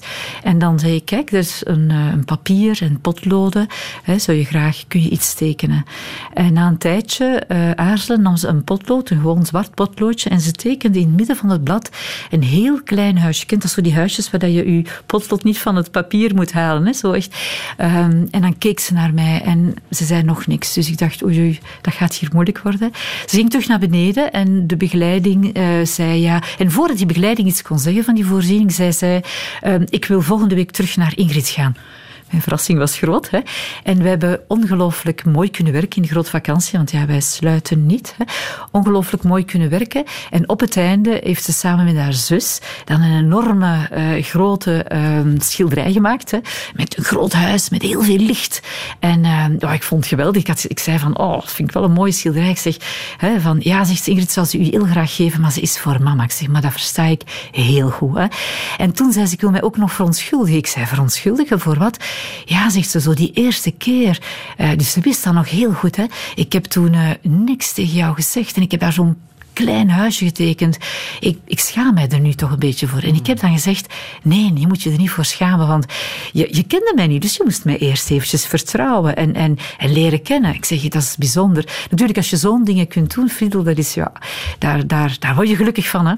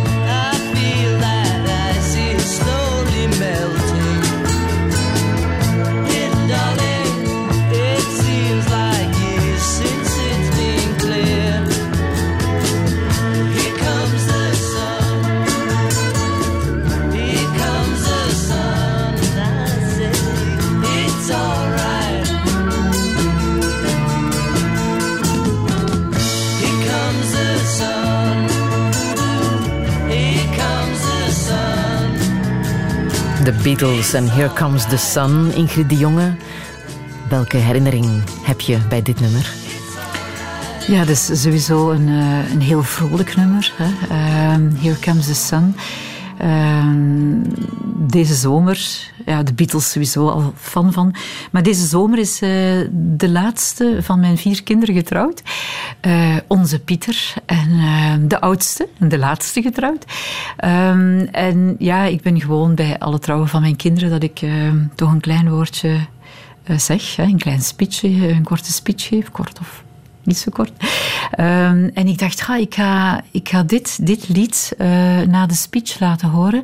Omdat ik, eh, ja, dat mij dat zo treft dat eh, onze oudste een echt zonnekind is. Mijn man en ik vochten al als hij babytje was om hem eerst uit zijn wieg te halen als hij geboren was. Omdat hij, whatever, of dat hij nu honger had of nat was of wat dan ook. Hij, ja, hij, hij verwelkomde ons altijd met... met een grote glimlach. Ehm, en vandaar dus, ja, hier comes the sun. Ehm, ja, zo'n oudste gezin is altijd wel bijzonder. Mijn vier kinderen zijn bijzonder, maar ja, Pieter was altijd ehm, ja, diegene die, die mij ook altijd heel, heel erg gevolgd heeft. En eh, ook op een bepaald moment zei mama, dat heeft mij enorm getroffen, je, hebt, eh, je krijgt carte blanche van mij. Zo van, oké. Eh, wat jij ook uitspookt, je hebt al zoveel moois en liefs en goeds gedaan, dat, dat wat jij ook je mag de rest van je leven stoute dingen doen, maar jij krijgt gewoon carte blanche van mij. Dus ja, het is een, een heel opmerkelijke, ja, opmerkelijke jongen, die uh, enfin, nu jongeman is van 39 uh, en een hele fijne bent... vrouw heeft en vier kindjes. Alsjeblieft. Maar je bent wel uh, bang geweest, hè, dat ja, je ben, kwijt was. Ja, ik ben even bang geweest van hem kwijt te geraken, omdat hij, toen hij 22 was, hij studeerde ingenieur-architect en hij had architectuur in Gent en hij had net aan ons gezegd, mijn man en mij, van kijk, het is een heel knappe studie, maar het is heel theoretisch en ik wil eigenlijk heel graag een jaar praktijk doen. En man zei, oei oei, ja, eventjes wel van, ja, gaat dan toch wel dat laatste jaar afmaken. En hij zegt, ja, maar ik wil echt eventjes weten hè, hoe dat je een huis bouwt. Hè. Ik, wil, ik wil mee met een aannemer op pad. En hij zegt, oké, okay, dan dat is prima. Hij heeft dat dan gedaan. En uh, in december, wij gingen normaal gezien met ons allen naar een concert gaan uh, van het gezin. En hij kwam thuis en hij zei, uh, ja, ik, ik, ik voel me niet goed en uh, ik heb heel veel pijn. Ik ben naar de huisarts geweest. De huisarts heeft mij doorgestuurd naar het ziekenhuis. En ik blijk kanker te hebben en ik moet binnen een paar dagen geopereerd worden. Ja, dan, ja, dan, staat u, hè, dan staat uiteindelijk de wereld stil was ik heel boos. Ik heb heel hard geweend. En na dat weekend heb ik dan gevraagd aan hem: zou je graag een, een flinke mama, een moedige mama hebben? En toen zei hij: ja, dat zou ik heel graag willen. En dan zei ik, dan ga ik dat nu opnemen, mee opnemen hè, met het gezin. En dat was dan wel heel fijn dat... Uh, ja, we hebben de rangen gesloten van ons gezin. En de kinderen en mijn man en ik hebben ons wat uh, geïsoleerd bijna. Uh, en, om, ja, en geprobeerd en gepoogd om uh, die moeilijke periode door te komen. De vrolijkste was onze Pieter. Hè. wij waren niet zo vrolijk. Maar hij, was, hij bleef heel vrolijk en hij zei opmerkelijke dingen. En daarom had ik trouwens zo'n schrik van hem kwijt geraken. Uh, hij zei van, ja mama, dacht je dat ons gezin zou gespaard gebleven worden? Er is zoveel kanker in de wereld. En dus uh, dan denk ik dat van de kinderen het beste is dat ik dat krijg. En hij zegt, ja, dat, dan zal ik misschien ook later nog meer begrip hebben voor mensen die ziek zijn of die lijden. Ja, enfin, dus er kwamen dingen uit, uit zijn mond dat ik dacht van, dat, dat hou je niet voor mogelijk. Dus ik, ik had nog meer schrik om hem kwijt te spelen, omdat hij al zo af was, hè, zo fijn was. En um, ook al de nabehandeling, we hebben een heel mooie nabehandeling van dokter Dirk Schat, oncoloog. En die, uh, ja, ik was dan altijd bang aan het wachten, want het was altijd onderzoeken enzovoort enzovoort. En dan legde hij zijn plannen op de grond en zei: Mama, zeg, kijk eens dat en dat, ben daarmee bezig. En dan zei mama: Ja, maar zij is zo stil, je bent toch aan het luisteren? En dan zeg ik: Ja, jongen, maar subiet moeten we weer terug naar jouw oncoloog en ik heb toch wel een beetje bang weer. En hij zegt: Maar mama, ik heb dat gehad, hè. Ik heb dat gehad en uh, ik ga nog zoveel doen in het leven. Ik ga bouwen, ik ga sociaal projecten, ik ga van alles doen. Hè. Dus, uh, dus hij gaf ons moed. Hè. Hij gaf ons moed. Mm -hmm. Heel bijzonder. Is de begeleiding altijd goed verlopen? Want als je dan met een moeder die strijdvaardig is uh, uh, naar het ziekenhuis trekt en weet uh, hoe ernstig het allemaal is. Ik vind dit een terechte vraag die u stelt. Ja. nee, dat is niet zo goed verlopen. Ik, heb, ik had zelf voorgenomen van naar drie specialisten te gaan in drie verschillende ziekenhuizen. En uh, op een bepaald moment ben ik ergens terechtgekomen waar ik heel lang moest wachten. Waar ik dan wel de specialist zou ontmoeten. Uh, maar goed, ik had een dik boek van uh, oncologie bij, dus ik zat daar maar in te lezen. En op een bepaald moment, na lang wachten, komt die man, die dokter, en die zegt van, hey, waar is uw zoon? En ik zei, die is thuis, want die, die is nu na de operatie niet sterk genoeg om mee te komen. ah, dan ga ik u geen advies geven. En ik bekijk die dokter en ik zeg, nu moet u eens goed naar mij luisteren. Ik zeg, ik ben de mama van een ziek kind. En ik spreek nu in naam van alle mama's die een ziek kind hebben. En... Um, en u gaat luisteren naar mijn verhaal en ik wil graag een advies van u. En ik weet het niet, ik denk dat, ja, op dat moment was ik al therapeut. En ik denk dat gewoon zijn toon, of de bedoelde toon waarop ik sprak, uh, hij schrok een beetje. En hij had eigenlijk geen tijd. En zo verder uiteindelijk heeft hij een uur bij mij gezeten. Ook uh, verteld over dingen dat ook daar wel wat mee te maken had. De, de, kanker die mijn zoon had op dat moment was men nog niet zo zeker over de nabehandelingen. Was, uh, dus zij heeft dan gesproken over het Europees onderzoek en zo. Dus dat was heel bijzonder. Maar ik heb op het einde echt gezegd van, jullie alsjeblieft dat is weer hetzelfde. Hè? Stilstaan bij de perceptie van iemand die ziek is. Of als een mama komt of iemand anders voor een ziek persoon. Uh, ja, wil je daar hè, menselijk bij blijven? Ik zie nu wel, want ik heb een, een zoon die arts is, dat de opleiding van, uh, tot, tot geneeskunde gelukkig ook wel verbeterd is. In de zin dat er veel meer belang wordt gehecht aan communicatie en aan interactie met de patiënt. Dus daar ben ik zeer blij om. Mm. maar het is ook wel nodig. Dus ja, ik ben natuurlijk een, een, een assertieve mama. Ik ben zelf ooit geopereerd aan mijn knie en ik durfde dan op de operatietafel zeggen van momentje, ik wil de chirurg zien. Dat werd dan hard gelachen. Zo van, bent u misschien bang? Maar op dat moment denk je echt wel van, ja, kan ik hier iets zeggen of kan ik hier niks zeggen? Maar ik heb het dan toch gedaan. En uh, ja, die chirurg zo heel... Ja, wat is er mevrouw? Zei de, zei de bang? Hè? En ik zei ook, natuurlijk was ik bang. Maar ik zei, nee, nee, nee, ik ben niet bang. Ik ben nooit bang. Maar ik zeg, ik heb eigenlijk pijn aan mijn kuit. Hè? Ik zeg, en, je gaat mij opereren aan mijn knie. Dat is toch wel raar. Ah, we zullen eens kijken. En hij kijkt daarnaar. Ineens werd dat daar stil. Ik werd daar afgevoerd en ik ben niet geopereerd geworden. Want ik had dus flebitis.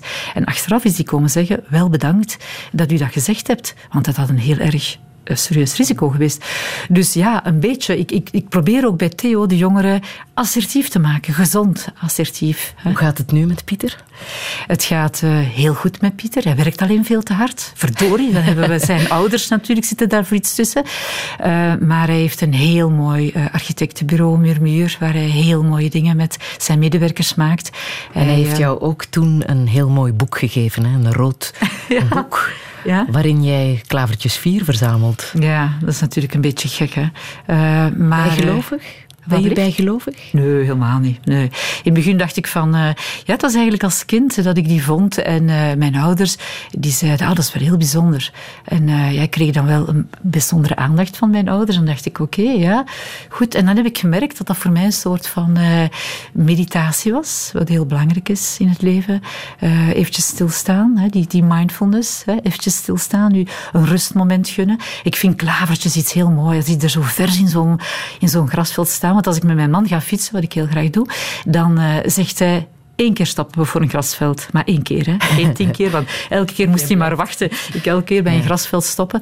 Maar uh, ja, ik ben ze blijven vinden. En ook uh, klavertjes vijven zijn. Overal waar ik kom, zijn ze. Het is misschien ook om aan te tonen van... Ja, ik geloof ook echt wel in het... Uh, ja, in, in, het, het, ja, in het onwaarschijnlijke misschien. Of in hetgeen dat mensen zeggen... Ja, nee, dat kan toch niet. Ehm, ja, ik denk dat er heel veel zaken kunnen... ja, realiteit worden wanneer je er ook in gelooft. En ik geloof daar wel in. Ja. Mm. Dus dat ook heel moeilijke dingen, of zo gezegd, hè, de mensen zeggen, maar dat is toch niet te vinden, dat bestaat niet. En dan denk ik, ja, ja heel moeilijke dingen kunnen ook als je genoeg uh, ja, daarop focust en, en inzet. Heel blij dat het goed is gekomen met uh, Pieter, want uh, een kind verliezen is natuurlijk uh, het ergste wat je kan meemaken. Dat is wat de ouders van een vriendje van jouw jongste zoon hebben meegemaakt, hè? Ja. Chef. Ja. Ja, ja. en dat is, die hebben, ja, chef heeft bijzondere ouders. Hè. Dus chef is, was, is, was, is bevriend met mijn jongste zoon Thomas. Uh, gewoon op de school, heel goed bevriend geraakt. En plots tijdens een scouts ja, voorbereiding is hij onwel geworden en is hij naar het ziekenhuis gebracht en er was dus niets meer aan te doen. Uh, en wat ik toen gezien heb bij die kinderen, bij die jongeren, uh, was zo opmerkelijk. Dus je moet aan mij niet zeggen dat een jongere uh, oppervlakkig of losbollig of wat dan ook. Uh, ik heb daar zo'n mooie jongeren gezien. En ehm, die hebben een week op de stoep geleefd. Die zijn alle dagen naar die jongen gaan kijken, naar chef. Ehm, en de verbinding is gebleven. Hè? Ehm, de mama, die trouwens ook nu bij Theo, hè, echt ook een heel mooi engagement opneemt.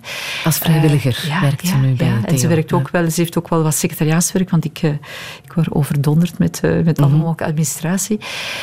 doet zij voor mij. Ehm, en de, de jongeren zijn, dan zijn ze soms van, ik heb, weet je dat, ik heb je zoon ehm, die nu trouwens zelf een onderneming heeft hè, in fietsen, zo, maar die eigenlijk heel, toen heel, uh, ja, zijn, zijn weg aan het zoeken was. Ja, 15, 16 jaar. En die daar eh, ongelooflijk door geraakt was. Heel, heel verdrietig was. Ik dacht, ik krijg hier nooit meer dezelfde Thomas, zo, hè, omdat hij zo verdrietig was. Maar zegt, dan zei eh, uiteindelijk de mama, ik, uh, Martin, die zei dan, ja, ik zie jouw zoon soms op het kerkhof. De jongens spraken ook af daar. Ze vertelden dan uh, wat ze allemaal deden in het leven op het graf van Jeff. De ouders, je kunt dan verschillende houdingen aannemen. Hè. Ik heb ongelooflijk veel respect voor de houding. Op welke manier hebben zij dat uh, binnengehaald? Dus die vrienden van hun, hun zoon, uh, op welke ja, manier gaan zij daarmee om? Wel, zij hebben eigenlijk, denk ik, eerst uh, eventjes moeten bekomen en dan hebben zij heel warm en positief nagedacht. En ik denk dat ze dan vrij snel de klik hebben gemaakt van, ja, die jongeren komen nog altijd langs, die komen vragen hoe dat met ons gaat. Uh, we gaan ons huis blijven openzetten voor hen. En uh, uiteindelijk was het lievelingsgerecht chili con carne, dus daar is het gebleven. Uh, en eigenlijk zijn het nu zowat vertrouwenspersonen van, van, uh, van onze jongeren, van die vrienden. Want er waren dan uiteindelijk vier vrienden heel erg hè, bevriend met chef. Uh, en de ouders, hè, wij dus, hè, de ouders, uh, zijn ondertussen al die jaren, uh, hebben wij uh, cultuuruitstappen en gaan wij al eens samen eten. Uh, vieren we oudejaars uh, en hebben we heel veel verbinding dankzij het goede voorbeeld van, uh, van die jongens. die, die eigenlijk nog altijd, als er belangrijke dingen worden gezegd, als ze, als ze gaan trouwen of wat dan ook. Hè. Het is Martin en Arnold, de ouders van Jeff, die het, voor die het eerst zullen bijna vernemen dat er iets in hun leven gaat veranderen. Dus heel bijzonder, heel warm. En dan zie ik, dat gaat over die attitude, want daar heb ik het dan vooral in het boek over over die attitude. Uh -huh. Die attitude die zo belangrijk is. Je kunt, wat er ook gebeurt in je leven, zoveel verschillende houdingen aannemen. En ik heb uh, ongelooflijk veel uh, bewondering en respect voor, voor hun houding. Mm.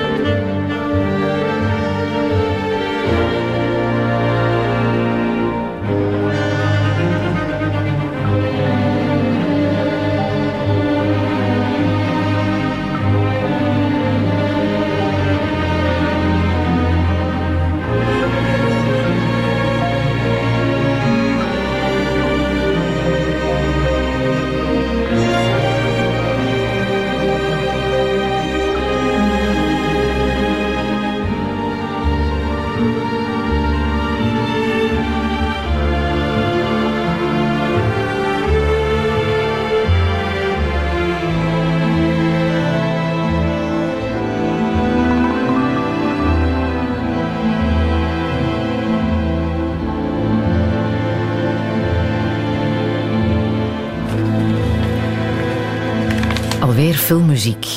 Het is teken dat dat uh, goed binnenkomt bij jou, Ingrid uh, de Jonge. Vincent, François, Paul et les autres van uh, regisseur Claude Sautet. Um, dat gaat over vriendschap. Hè? Een film, prachtige film over, over vriendschap. Ja, we hebben die film gezien. Uh, we hadden dan een filmforum wanneer we studenten waren. En eh, mijn man en ik hadden die gezien met nog andere vrienden. En eh, ja, we vonden dat we hadden daar een heel mooi beeld van, van die film eh, met Yves Montand. Ik, zie die graag spelen. Ik hoor hem ook graag zingen. En eh, wij organiseren eigenlijk elk jaar, het is, is volgend weekend weer zover, een, eh, een weekend met de vrienden uit onze studententijd. Eh, wij komen dus nog elk jaar samen. Hè? Dus heel bijzonder. En we dachten toen van oké, we, gaan, eh, we gaan die meepakken. Hij viel dan wel een beetje tegen, want we zagen dan dat er toch wel heel veel gerookt wordt in die film. En dat er dan toch wel, ja, met die relaties niet altijd zo nauw wordt genomen. Zo van oei, oei, vonden wij dat goed toen in die tijd? Eh, maar ik wil, ik wil toch wel in die context wel iets zeggen dat wij, ja, dat wij dus al 30 jaar een, eh, een buitenhuisje hebben in Puurs. Met hele goede vrienden. waar zij hebben drie kinderen en, en ondertussen zes kleinkinderen. vijf kleinkinderen. En wij hebben zeven kleinkinderen. Vier kinderen en zeven kleinkinderen. En het huisje is dus, eh, ons twee oudste hebben dat dan eh, terug mooi gemaakt. Want dat is een beetje vervallen geraakt. Ehm, en dat is, eh, dat is ongelooflijk leuk gelegen. Ehm, daar gebeurt ongelooflijk veel. Veel verbinding, veel vriendschap. We hebben nog nooit een woord gehad met de twee families. Daar worden huwelijken, daar wordt, er gebeurt van alles. Dus we hebben misschien toch wel wat we in die film beoogden, toch wel wat een beetje gerealiseerd. Het is ongelooflijk belangrijk om met leeftijdsgenoten zo'n mooie verbinding te kunnen blijven behouden. Dus eh, mijn man en ik zijn er ook heel, heel blij om. Eh, ja, dus... eh, Ingrid de Jonge, je bent net 63 geworden? Ja, net, Op ja. 11 september. Ja, Wat een 9/11, datum. Ja. Ja, ja. Ja, ja, die avond dat ik toen vrienden had uitgenodigd, dan hebben we wel ehm, niet bepaald gevierd, maar eh, geweend. Ja. Toen hadden we heel veel verdriet van wat gebeurt er hier nu in de wereld en wat gaat dat voor gevolgen hebben. Maar het was dan ook wel heel fijn dat we weer met vrienden samen waren. Ja. Wat zou je echt nog willen in het leven? Wat zou ik echt nog willen in het leven? Ehm, ja, ik zou graag eh, nog hele... Allee, ik hoop dat ik oud mag worden. Hè? Ik heb gehoord van, van Lieve Blankaert in haar uitzending vorige week dat dat kan. Hè? Als je tenminste een aantal zaken in acht houdt. Namelijk zelfzorg, moet ik nog wel wat aan werken. Ehm, en bewegen, dat is geen probleem. En dan die missie, hè, waar ze het over heeft, wel heel belangrijk. Sociale contacten en een missie hebben in het leven. En ik... ehm, Ik denk dat jij die hebt. ja, ik denk het wel. Ik wil toch nog even iets zeggen over eh, een, mijn lieve man, hè, die de rots is in de branding hè, voor mij. Want ik ben het golfje en hij is de rots. Eh, maar ook wel over mijn kleinkinderen, ehm, die ik ontzaglijk graag zie. Dus ik wil die graag mooi zien opgroeien en begeleiden. Dat is wel een hartewens. Maar ook wel wil ik vertellen dat ik zo blij ben, niet alleen met mijn vier kinderen, maar ook met mijn schoonkinderen. Dus in plaats van vier heb ik er acht gekregen. Dus ehm, ik heb heel veel geluk in mijn leven. Ik ben ook heel blij dat mijn mama nu luistert en eh, dat ik haar ook nog altijd kan zien. Mijn papa is veel te vroeg gestorven, veel te vroeg. Daar heb ik heel veel verdriet over gehad. Maar eh, er is heel veel eh, om van te houden, denk ik. Ja. Welke boodschap wil je echt nog meegeven? Wel, ik, eh, zoals het al aan bod gekomen is in het programma, ik hoop dat, eh, ja, dat iedereen toch een beetje, ja, dat ik iedereen een heel klein beetje wakker kan maken voor dat engagement, voor, eh, voor dat altruïsme. En ik geloof er echt in dat iedereen, maar dan ook iedereen, iets kan doen voor iemand anders. Dus dat is een beetje mijn eindboodschap. Ja. Ik heb nog muziek uit alweer een film. Je bent echt een grote filmkenner en liefhebber. Tous les matins du monde. Prachtige film van eh, Alain Corneau met eh, Gérard Depardieu in eh, de hoofdrol. Die het verhaal vertelt van de gamba-speler, de eh, Sainte Colombe. Wat heeft jou daarin zo geraakt? Ja, het is natuurlijk ook weer, nog maar weer eens een droevige film. Hè? Een psychologische film, een droevige film. Ehm, maar ja, ik ben eigenlijk ook wel heel erg fan van, Viola, van het muziekinstrument Viola de Gamba. Joris Saval eh, volgen wij, man al heel lang. We zijn naar heel wat concerten van hem gaan luisteren. En ehm, ja, het is natuurlijk wel, ehm, men overdrijft wat in de film. Dus eh, alles staat in het teken van hè, dat, die muziek, hè, waardoor er niet meer gezien wordt hoe dat andere zaken, zoals menselijke relaties, toch wel. Hè, die, die papa van die twee dochters, die, die kijkt alleen maar naar die muziek. Hè, die is alleen maar van belang. En die bijzondere student dan, hè, die, of, eh, leerling die daar binnenkomt en lesgeeft aan zijn dochters. Eh, en ja, een van die dochters pleegt trouwens ook zelfmoord dan. Maar het, eh, ja, het is heel belangrijk om de muziek naar voren te brengen. En het is prachtig, maar er zijn natuurlijk ook nog andere dingen in het leven. Ja.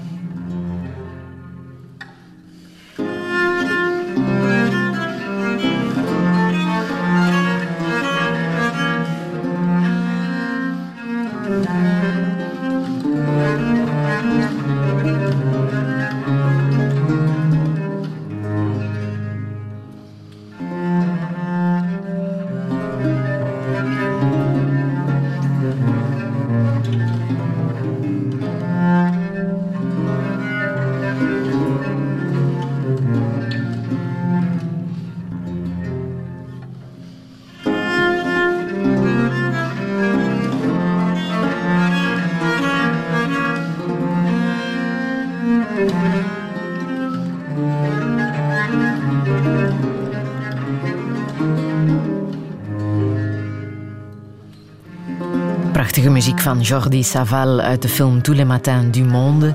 Ingrid de Jonge, ik wil jou heel erg bedanken voor dit eh, fijne gesprek.